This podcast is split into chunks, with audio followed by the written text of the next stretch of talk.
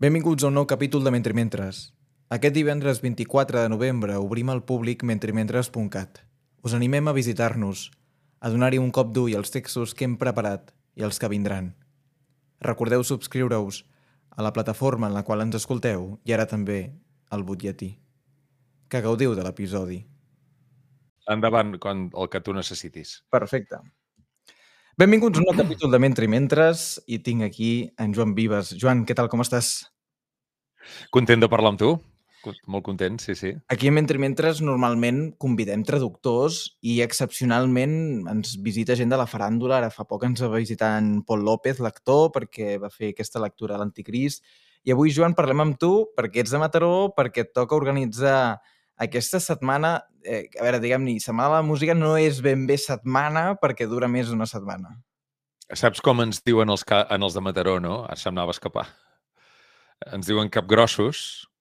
Aleshores, eh, ens podem permetre les llicències diverses, com per exemple a una setmana de tres setmanes anomenar-la setmana i prou, no? és, una, és una petita broma, no?, que sempre els hi faig a la gent que m'ho diuen. Clar, la gent de fora de Mataró, els de Mataró ja estan acostumats, però la gent de fora diu, però escolta'm, aquesta setmana dura tres setmanes. Dic, sí. Dic, és que som de Mataró i som capgrossos.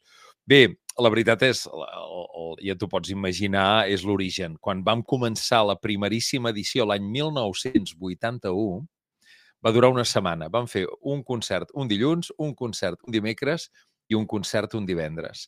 I, i li vam dir Setmana de Música Antiga. I la següent edició, l'any 82, vam repetir exactament la mateixa fórmula. Però la tercera edició ja no vam poder repetir perquè aleshores va ser quan em va trucar la que en aquell moment era la regidora de Cultura de Mataró, l'Anna Comas. Estem parlant, la trobada va ser l'any 1983, jo tenia 19 anys, i, I aleshores em diu, hola, ets en Joan Vives? Dic, sí. Diu, mira, sóc la regidora de Cultura de l'Ajuntament de Mataró. I clar, dic, uau, nosaltres no ens havíem ni atrevit a anar a trucar a la porta a l'Ajuntament. També cal posar-te una mica en perspectiva. Compte que l'any, als anys 80 l'Ajuntament era una cosa molt grossa, molt important. Mm, Diguem que mm, quan tu eres jove, quan tu eres adolescent, plantejar-te anar a l'Ajuntament era com, jo què sé, eh? era un, era, era transcendental. Encara hi havia una mica aquella flaire protocolària que havia quedat dels temps franquistes i potser tots plegats els que havíem crescut en els últims anys d'aquell moment doncs també ho portava més accentuat. Avui tot això s'ha diluït bastant. És a dir, avui un adolescent podria entrar tranquil·lament a demanar eh, torn per parlar amb el regidor o regidora de cultura de qualsevol ajuntament i acabar esbroncant-se fins i tot. Però, però llavors era diferent. I clar, va impressionar molt aquella trucada i llavors ell ens va dir, mira, ens agrada molt eh, aquesta idea de fer una setmana de música antiga a Mataró, volem jugar-hi, em va dir literalment, però ho hem de fer ben fet. I aquí va ser quan vam preparar, vam saltar un any, vam passar-ho al 84 i vam fer la tercera setmana de música antiga, que va ser la que va marcar la, la col·laboració amb cultura, i així fins avui. 41a edició, la d'enguany, i deixem que digui que t'entrevistem a això, ho estem enregistrant un dilluns, ho publiquem demà dimarts, i divendres hi ha un dels grans espetecs d'aquesta setmana que dèiem, eh, que ha anat durant i que ja ara en podem parlar eh, també del que heu celebrat, que és aquesta visita d'en Juan de la Rubia, un dels millors organistes eh, que tenim en el país i que justament ve a tocar l'orgue a la... Parlem-ne, eh? perquè també eh, l'espectacle em penso que és de la Capella dels Dolors concretament, és l'orgue de la Basílica... Eh, Mm. Quin ha estat... una Bueno, la... Deixa'm matisar-te, sí, és a la Basílica, és el gran orgue de, de Mataró. Saps que a l'església hi ha dos orgues. Mm. Hi ha el petitó, que està molt a prop de l'altar, que és el que es fa servir per acompanyar els no? cants. Bé, és el que es fa servir per acompanyar els cants, eh, a les santes també el toquen, és el petitó, però aquest, el que tocarà el Juan de la Rubia, és justament el gran, l'orgue gran de Mataró, que eh, en, no sé ara com està el tema perquè s'han anat eh, construint orgues nous, però estaria entre els cinc orgues més grans del país. Mhm. És un orgue imponent, un orgue monumental i un orgue, com bé saps, molt estimat per molta gent de Mataró. És a dir, que cada cop que es fa un concert d'orgue hi ha gent que toquin el que toquin i van. És a dir, és com eh, fer una, eh, una mena de, de mostra de, de defensa del mataronisme, no? I és un símbol de la ciutat. Però a part d'això, pels que no són de Mataró, eh, l'orgue sona molt bé i a més a més doncs, poder-lo sentir, com tu deies també molt bé, eh? el Juan de la Rubia és, un, és en aquests moments el referent probablement més important o dels més importants que tenim a, a Catalunya de la interpretació organística. És l'organista titular de la Sagrada Família de Gaudí i, per tant, és una trobada de Juan de la Rubia i l'orgue de Mataró llargament desitjada, llargament esperada, tant pels mataronins com i t'ho puc dir perquè amb coneixement de causa, com pel mateix Juan de la Rubia, que ja fa temps, fa anys que li feia il·lusió venir a tocar l'orga de Mataró. Què serà aquest eh, abans i després de Bach? Bé, bàsicament eh, li vam explicar que el context en el que faria el concert era una setmana de música antiga. No va caler dir-li res més. Va dir, ah, oh, val, ok, mira, dic, toca el que vulguis, ha de ser música antiga. Eh, nosaltres a la setmana sempre, perquè quan la gent ens ho pregunta, clar, diuen, i què vol dir música antiga? No? És can gregorià o hi ha alguna cosa més? I vam establir la frontera de la sinfonia número 3 de Beethoven, la, la sinfonia heroica. I és eh, aquesta sinfonia la que ens marca una mica la frontera estètica. Alguna vegada s'han tocat obres posteriors, potser interpretades amb instruments històrics o així. I en el Juan li vam dir això, mira, qualsevol repertori que tu ens vulguis fer anterior al 1803 ens va bé. I si ens toques Bach, doncs ja et pots imaginar que ens faràs molt feliços. I ell va venir a dir alguna cosa així com i a mi també em farà molt feliç tocar Bach. I el que ha fet ha estat un programa en el qual ell busca d'alguna manera el que són eh, obres de Bach i obres del seu entorn. I tenim, doncs, eh, entre altres coses, doncs, música d'alguns compositors, com el Böhm, que era un compositor que Bach el va conèixer quan era jovenet a Lüneburg. Bueno, ara ja entraríem en un terreny molt, molt musicològic, no? Però, vaja, que és Bach i el seu entorn. És repertori eh, com va connectar amb els organistes luterans de l'Alemanya aquella de principis de la primera meitat del segle XVIII. El concert, però, acaba amb composició pròpia de Juan de la Rubia. Bé, ell, són improvisacions el que ell ens suggereix. Uh, és curiós, uh, en un temps en el que les improvisacions han estat d'alguna manera un producte reservat al jazz, etc etc. Mm, fins fa quatre dies, si tu parlaves amb qualsevol persona d'improvisació, tothom pensava en jazz, però la improvisació havia format part de la tradició musical, per entendre'ns. I això fa doncs, que, de cop, eh, tu puguis Uh, jo que sé, parlar de Beethoven, de Mozart, de Bach, eren grans improvisadors, però grans improvisadors. A partir de Franz Liszt la cosa va canviar i la música clàssica, diguem que es va convertir en un terreny en el que diguem que no hi cabia la improvisació. I va caler que arribés el jazz per una mica recordar que, que, que la música pot ser improvisació uh -huh. i ara doncs s'està destapant. També, per exemple, al segle XX hi va haver el boom de la interpretació amb criteris històrics de la música antiga, que això és una part, diguem-ne, importantíssima de la filosofia de la Setmana de Mataró. Uh -huh. Llavors, eh, en la interpretació de la música barroca amb criteris històrics hi entra l'ornamentació i la improvisació, eh, seguint els codis d'època, eh, que estan perfectament definits en els tractats d'època. I aleshores, doncs bé, tornant una mica al que em deies del Juan de la Rubia, eh, li vam acotar en aquest àmbit que ell eh, ens fes aquesta, aquest concert i ell hi va voler incloure el testimoni de les improvisacions. Mm, si em dius, i quina mena d'improvisacions farà? Amb quina estètica musical? Amb quin estil? No t'ho sé dir, però ens és igual. Uh, encara que no improvisi dins de la, diguem-ne, línia barroca que de cop se'n vagi cap a una estètica potser més del segle XIX, no crec que entri en el món del jazz, però tampoc ho descartaria del tot. Ens és igual. És la opció de sentir un gran organista amb un gran orgue i fent el que històricament han fet sempre els organistes. I, per tant, eh, forma part perfectament de la filosofia de la Setmana de Música Antiga, que és proposar a tota la gent que vulgueu venir doncs, eh, un viatge estètic cap a la música de fa segles i en, un espa en uns espais i uns entorns de fa segles, és a dir, experiència completa. Avui estem parlant amb en Joan Vives. Joan Vives no només li toca organitzar, com ara ens ha explicat des de fa uns quants anys, aquesta setmana de la música antiga a Mataró, sinó també és periodista, el podem escoltar constantment no? en aquest programa que feu diari uh, és Catalunya Música i deixem que digui, i um, a tall d'anècdota gairebé, no? però fa uns anys vas convidar en el teu programa el Josep Cuní, hi ha aquesta entrevista de tu parlant amb el Cuní de la Fundació de Catalunya Música pels aniversaris justament de Catalunya Música, que és un gran tractatus de com funciona el sistema cultural i que parleu no només de la fundació del que és Catalunya Música, sinó també de les, no, de les confluències que es creen, dels grans conflictes amb el Liceu, dels grans conflictes generals.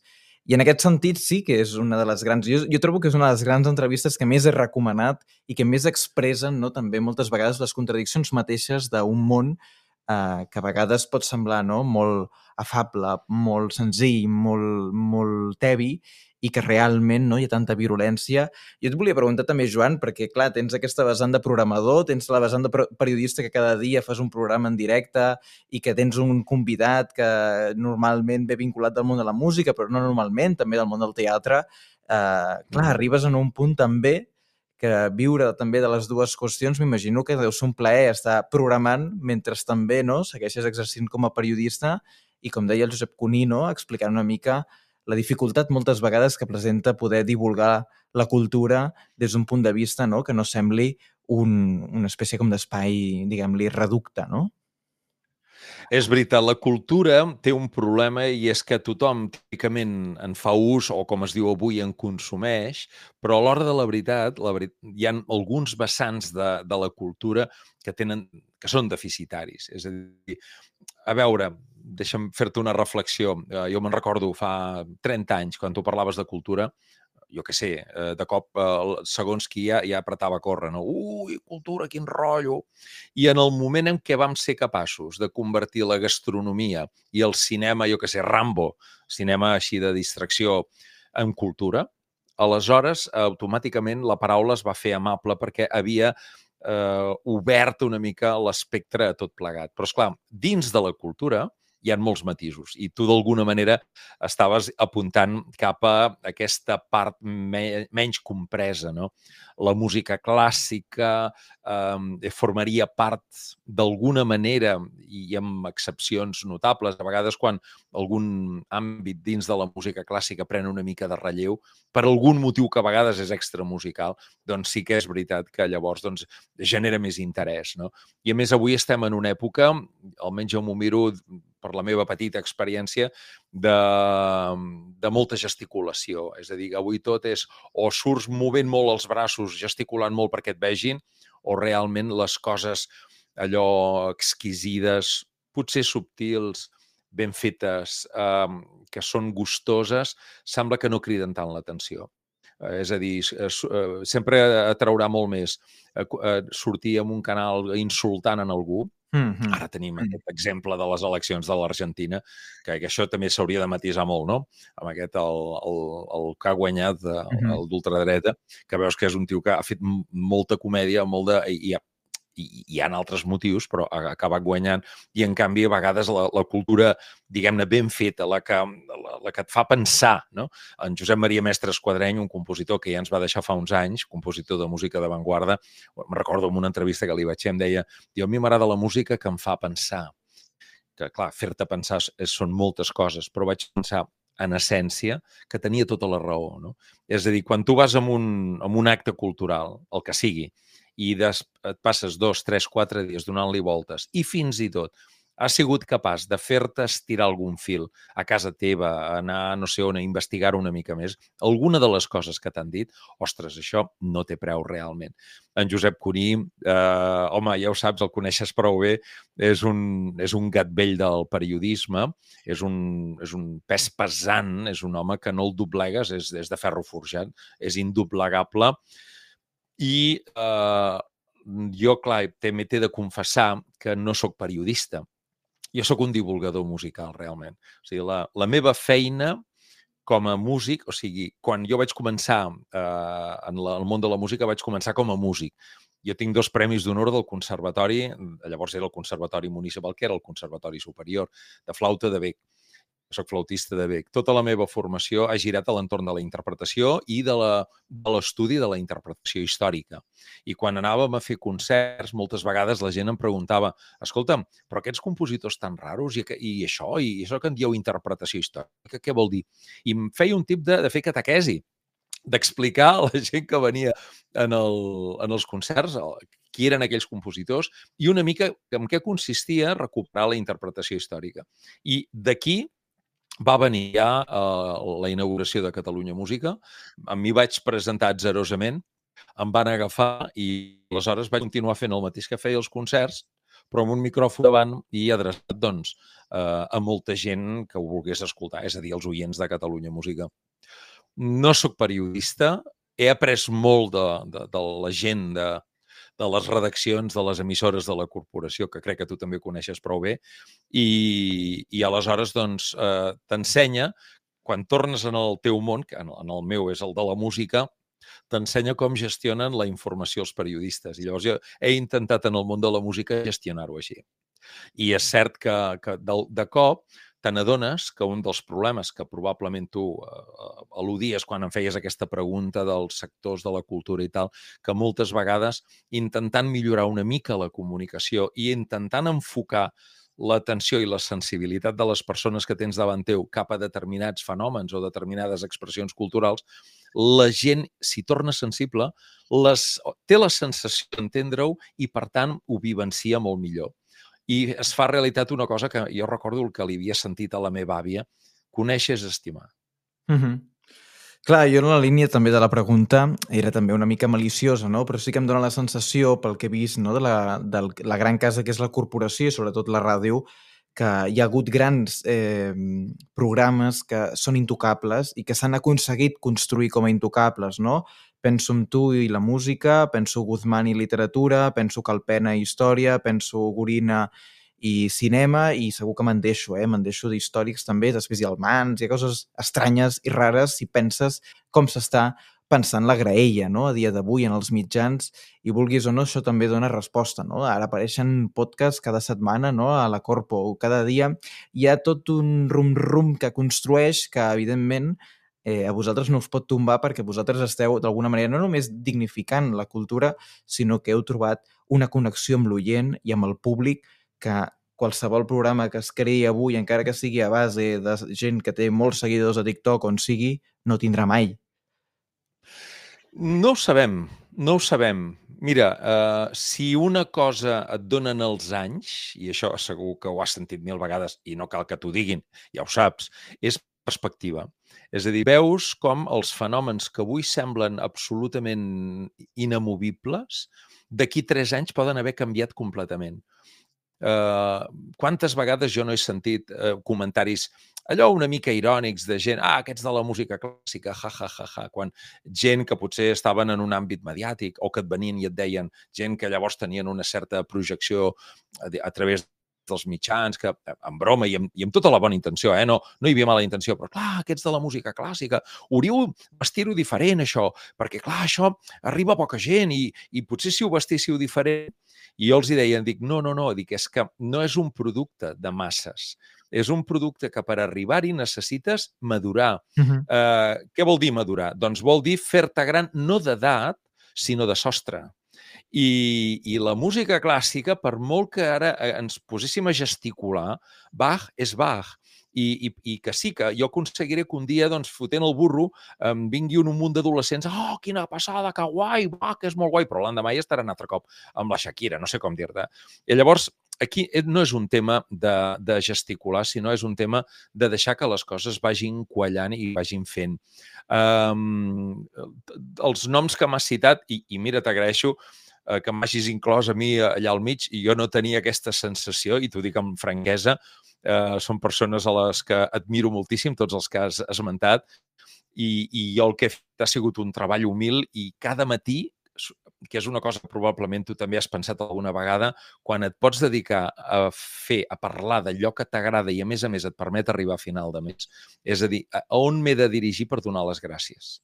És a dir, si Déu existeix, doncs li, li estaria donant gràcies a Déu matí, tarda i nit de dir he pogut fer el que m'agrada, he pogut ser feliç, no?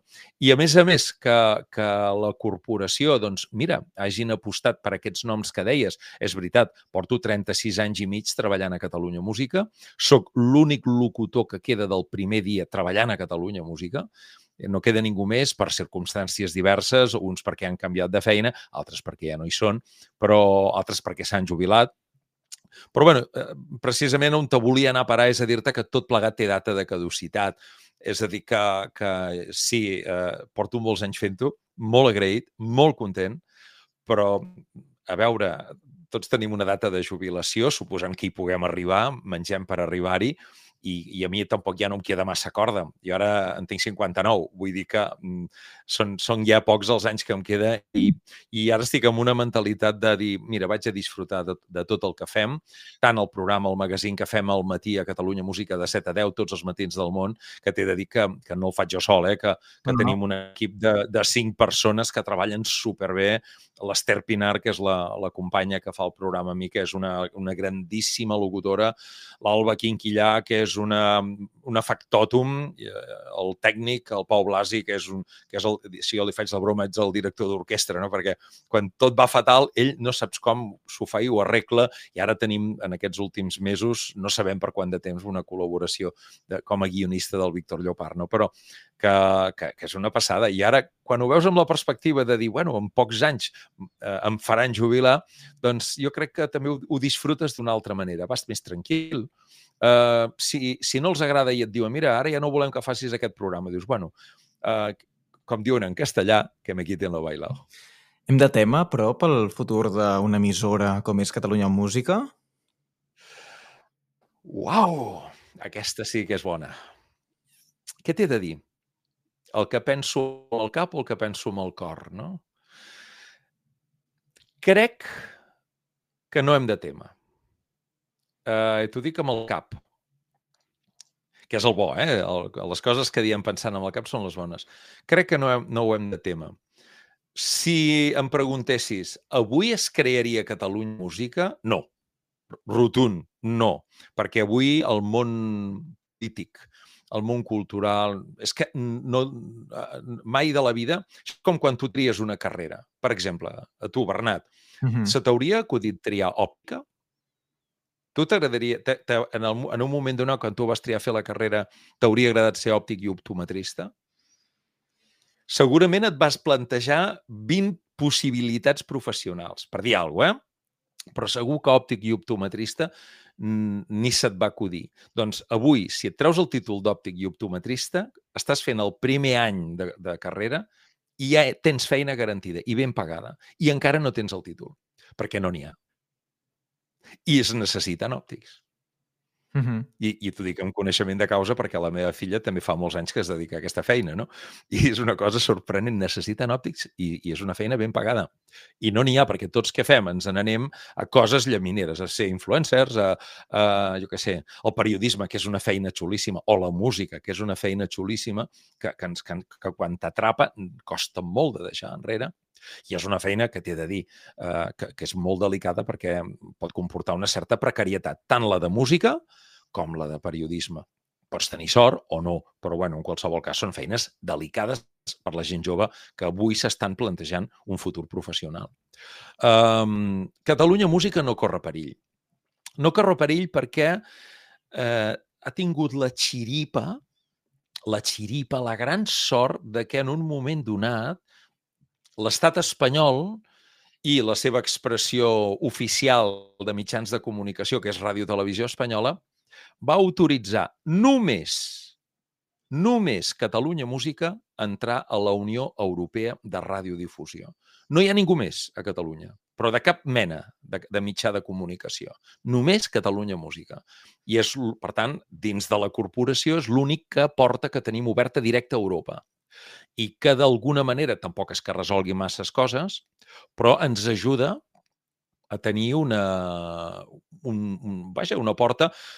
El més fàcil d'explicar és que si ara tu graves concerts dels grans intèrprets catalans, que tenim actualment, sobretot de música clàssica, també jazz, fins i tot coses de música d'arrel, de cop un dia te'n vas a, per dir a Noruega amb el teu cotxe, t'estàs passejant per Noruega, poses la ràdio al cotxe de, a la ràdio noruega i de cop sents un grup català que està sonant a la ràdio noruega.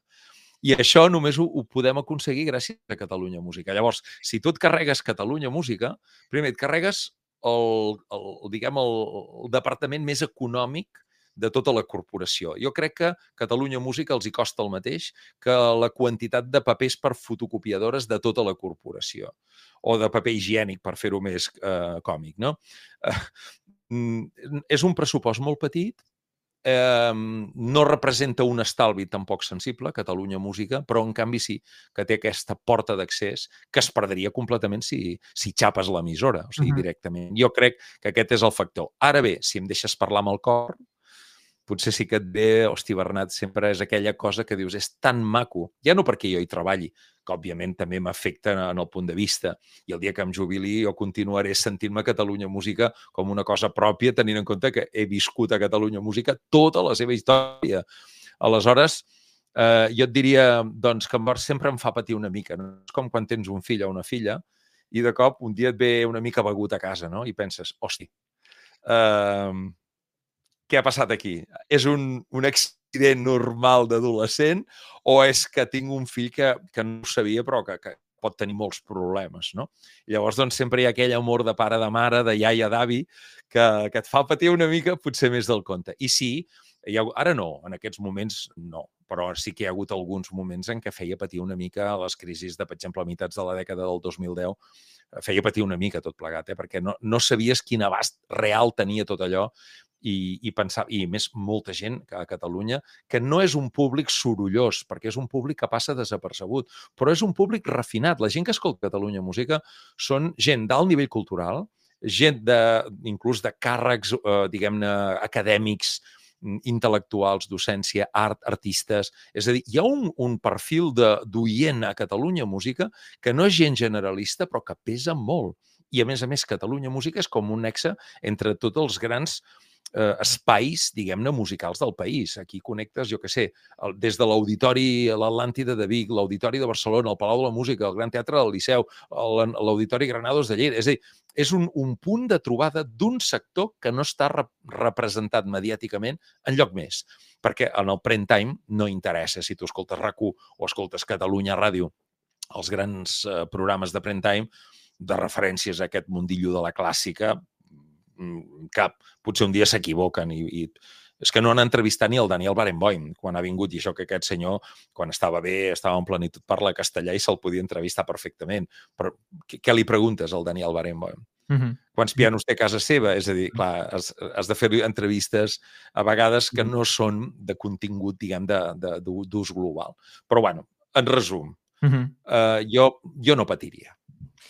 Joan Viva, per anar, hem d'anar acabant perquè ja ens passem l'hora que dèiem que, que faríem, uh, però no vull acabar sense preguntar-te, eh, Setmana Música Antiga, eh, com a festival de música clàssica, en comparació amb tots els festivals que es fan a Catalunya, que no són pocs, i que tots et venen al programa, digue'm una mica amb, amb quines sintonies, amb quins ressona, perquè aquí tenim festivals que versionen i que t'integren la música clàssica amb el territori. N'hi ha d'altres que simplement és l'espai. Eh, què és eh, el segell del Festival Mataró? Mira, Catalunya... Uh, perdó, de tant de parlar de Catalunya Música, anava a dir Setmana Música Antiga i m'ha sortit Catalunya Música. M'ha traït el subconscient.